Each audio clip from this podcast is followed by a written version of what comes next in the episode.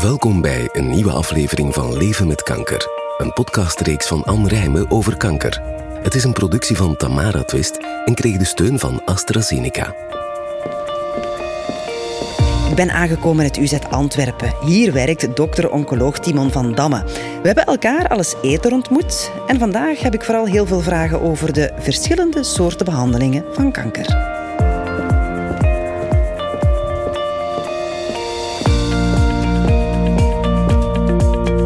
Iedereen kent wel iemand met kanker. Maar wat is kanker precies? Welke behandelingen zijn er? En hoe gaan ze in het ziekenhuis te werk? Dokter Van Damme vertelt hierover meer aan Anne.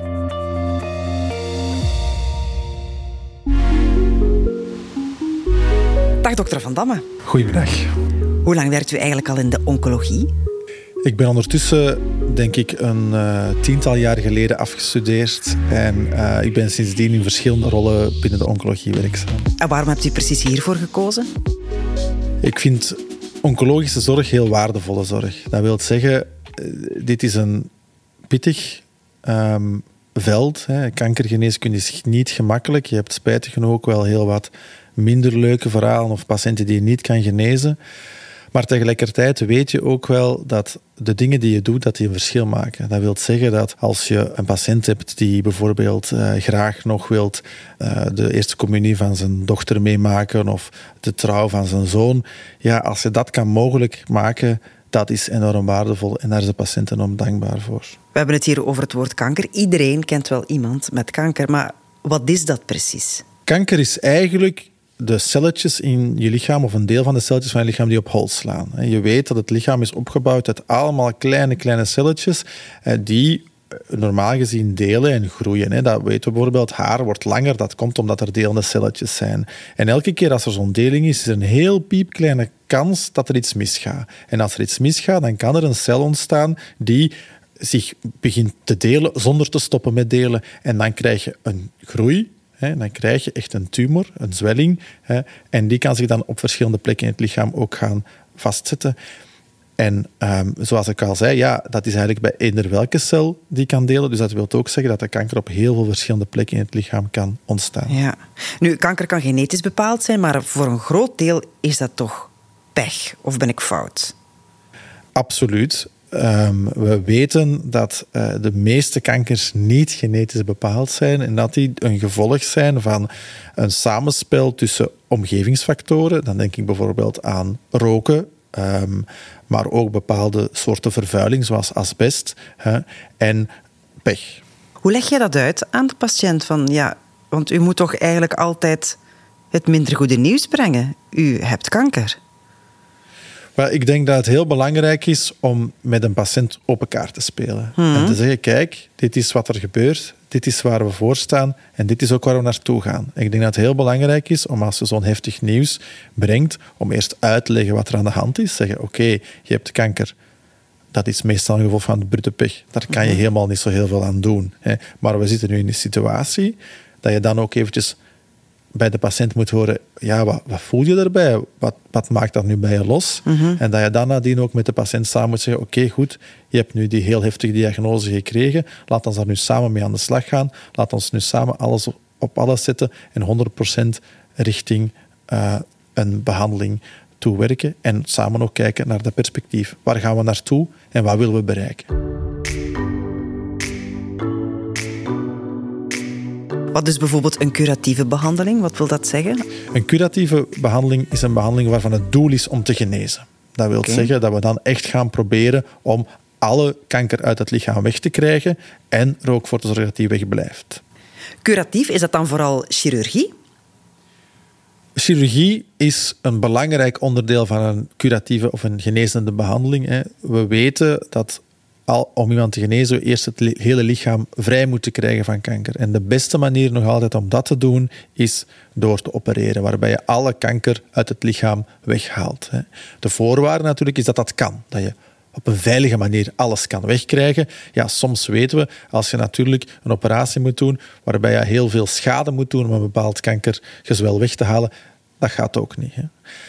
Maar wat we ook wel weten is, curatief is vaak heelkunde, plus nog iets extra. Waarom? We willen natuurlijk heel het lichaam vrij krijgen van kanker, maar we willen dat ook vrij houden van kanker. We willen herval voorkomen en om dat te doen gebruiken we vaak nog aanvullende therapieën, bijvoorbeeld aanvullende chemotherapie, om het lichaam vrij te houden van ziekte. Um, daar bestaan oncologische therapieën voor, hè, daar kom ik zo meteen bij. Maar wat is dan het verschil tussen een palliatieve behandeling en een patiënt die terminaal is?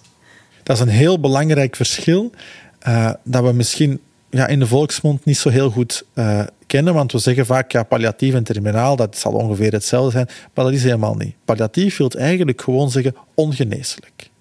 Dat wil ah, zeggen dat je een ziekte hebt die niet meer kan genezen. Maar, maar waar je wel jaren mee kan leven. Maar waarbij je niet zegt, oké, de patiënt zal op korte termijn beginnen uh, komen te overlijden. Bijvoorbeeld, suikerziekte is in principe palliatief. Je geneest niet van suikerziekte. Maar mensen leven wel vele, vele jaren met suikerziekte. Ah, en terminaal is iets helemaal anders. Terminaal wil zeggen, oké, we zitten in een situatie waarbij de ziekte die ongeneeslijk is ook niet meer onder controle is. En dan spreken we eigenlijk over patiënten waarvan we verwachten dat ze drie maanden of minder leven.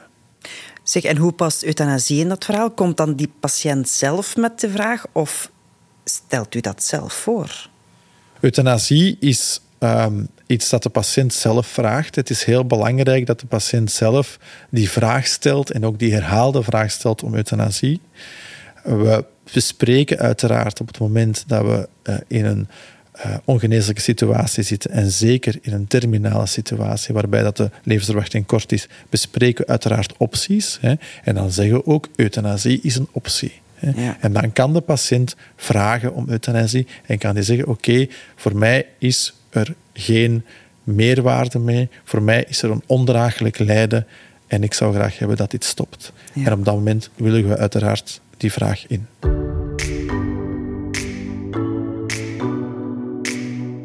Nu, je hoort heel veel hè, over verschillende therapieën, um, de opties zeg maar, die je hebt. Um, ik ga er een paar geven. Um, dan kan u mij zeggen wat dat inhoudt en wat de bijwerkingen ervan zijn. Dus ik ga ze even opzommen. Eerst chemotherapie.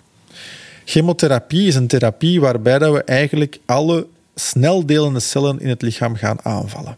En dat wil zeggen, we hebben gesproken over kanker, zijn eigenlijk celletjes die op hol slaan. We gaan proberen om die celletjes die op hol slaan, om die kapot te maken.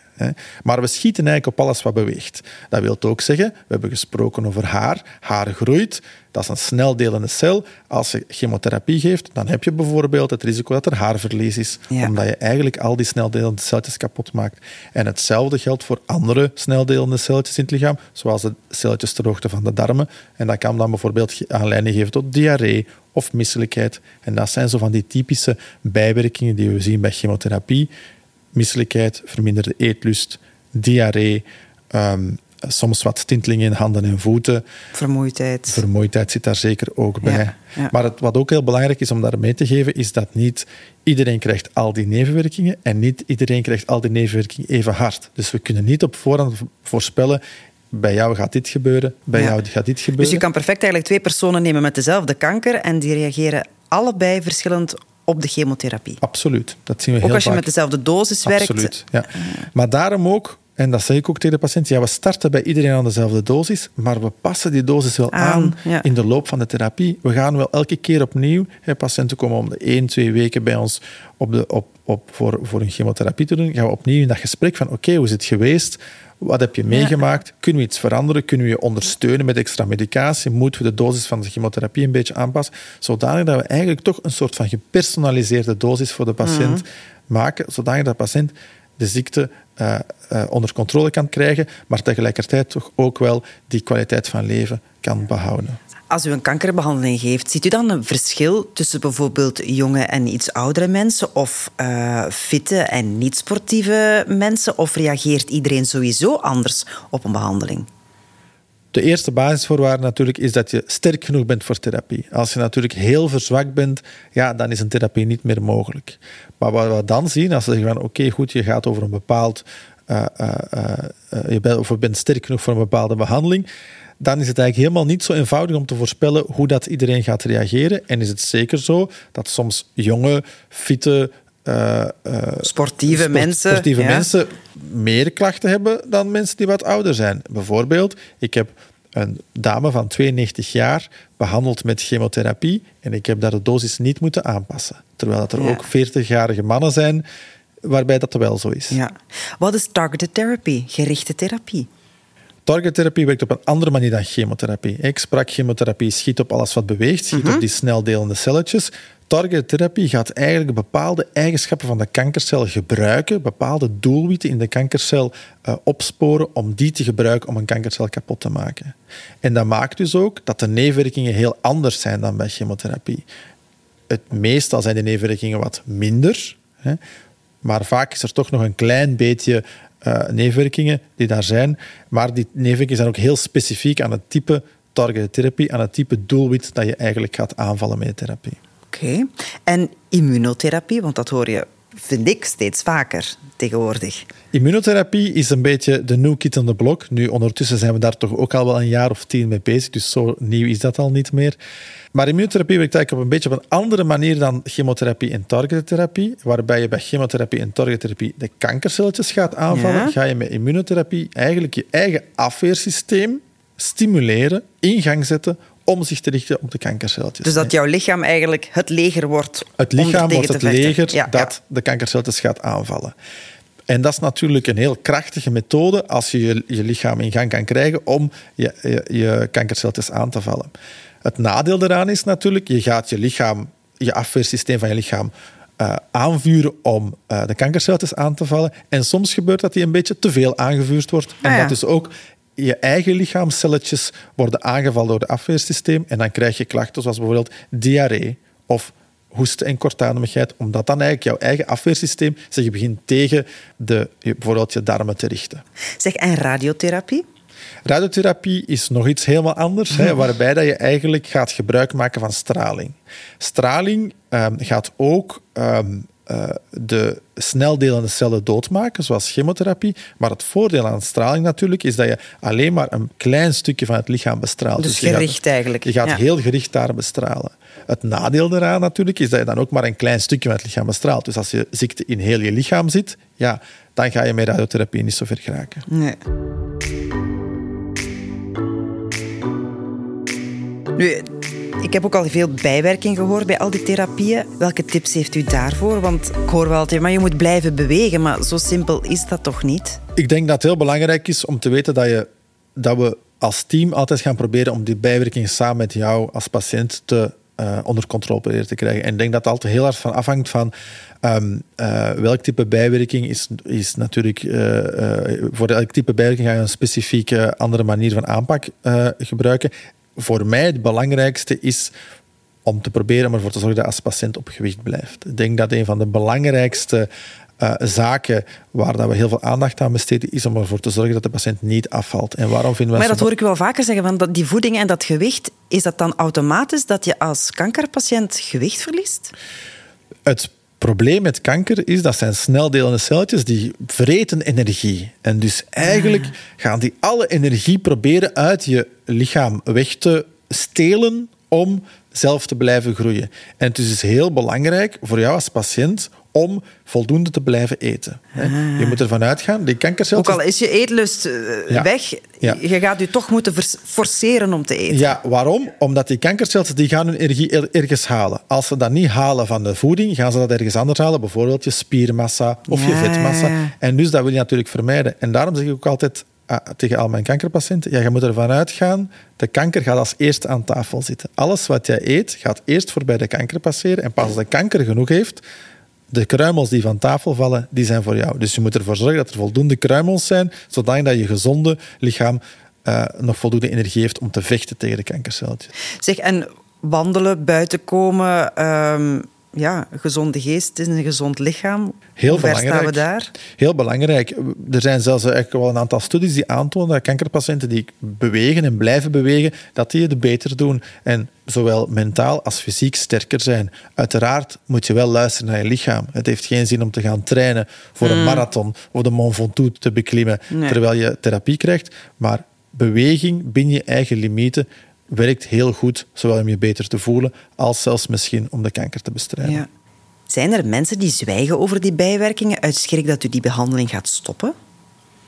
We zien wel eens dat patiënten erg veel schrik hebben uh, dat hun behandeling uh, verlaagd wordt, dat de, de, de, dosis van hun behandeling verlaagd wordt, omdat ze denken, oei, uh, dan gaat dat minder goed werken. Maar dat is eigenlijk helemaal niet het geval. We weten eigenlijk, als we gaan kijken naar de dosissen uh, van, bijvoorbeeld chemotherapie, dat dat heel individueel is, dat dat voor iedereen anders is.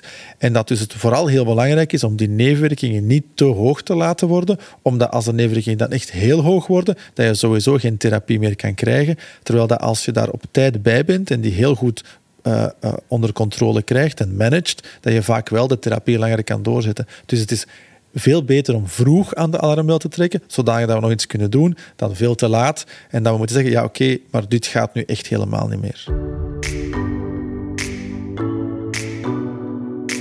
Er zijn ook klinische studies. Wat is dat dan? Klinische studies zijn uh, is onderzoek. Dat wil zeggen, we hebben nu een heel arsenaal aan wapens, maar we zijn natuurlijk altijd op zoek naar nieuwe manieren om de kanker te bestrijden. Maar je kan niet zomaar zeggen, oké, okay, ik heb hier iets gevonden, laten we dat nu maar eventjes voor iedereen gebruiken. We moeten natuurlijk kunnen aantonen dat een bepaalde behandeling beter is dan wat er nu wordt gegeven. En om dat te doen, um, doen we klinische studies. En meestal gaan we dan bijvoorbeeld twee producten met elkaar vergelijken. Een standaardbehandeling met een nieuw product bijvoorbeeld. En dan zeggen we, oké, we denken dat dat nieuw product beter gaat zijn. Het voordeel is, door deel te nemen aan dat soort studies, is dat je toegang krijgt tot uh, nieuwe medicatie die niemand anders in de wereld kan krijgen. Maar je weet op voorhand natuurlijk niet of, Wat dat, die, gaat doen, ja. of dat die nieuwe medicatie echt beter gaat zijn. En hoe kom je dan als in, in aanmerking als patiënt?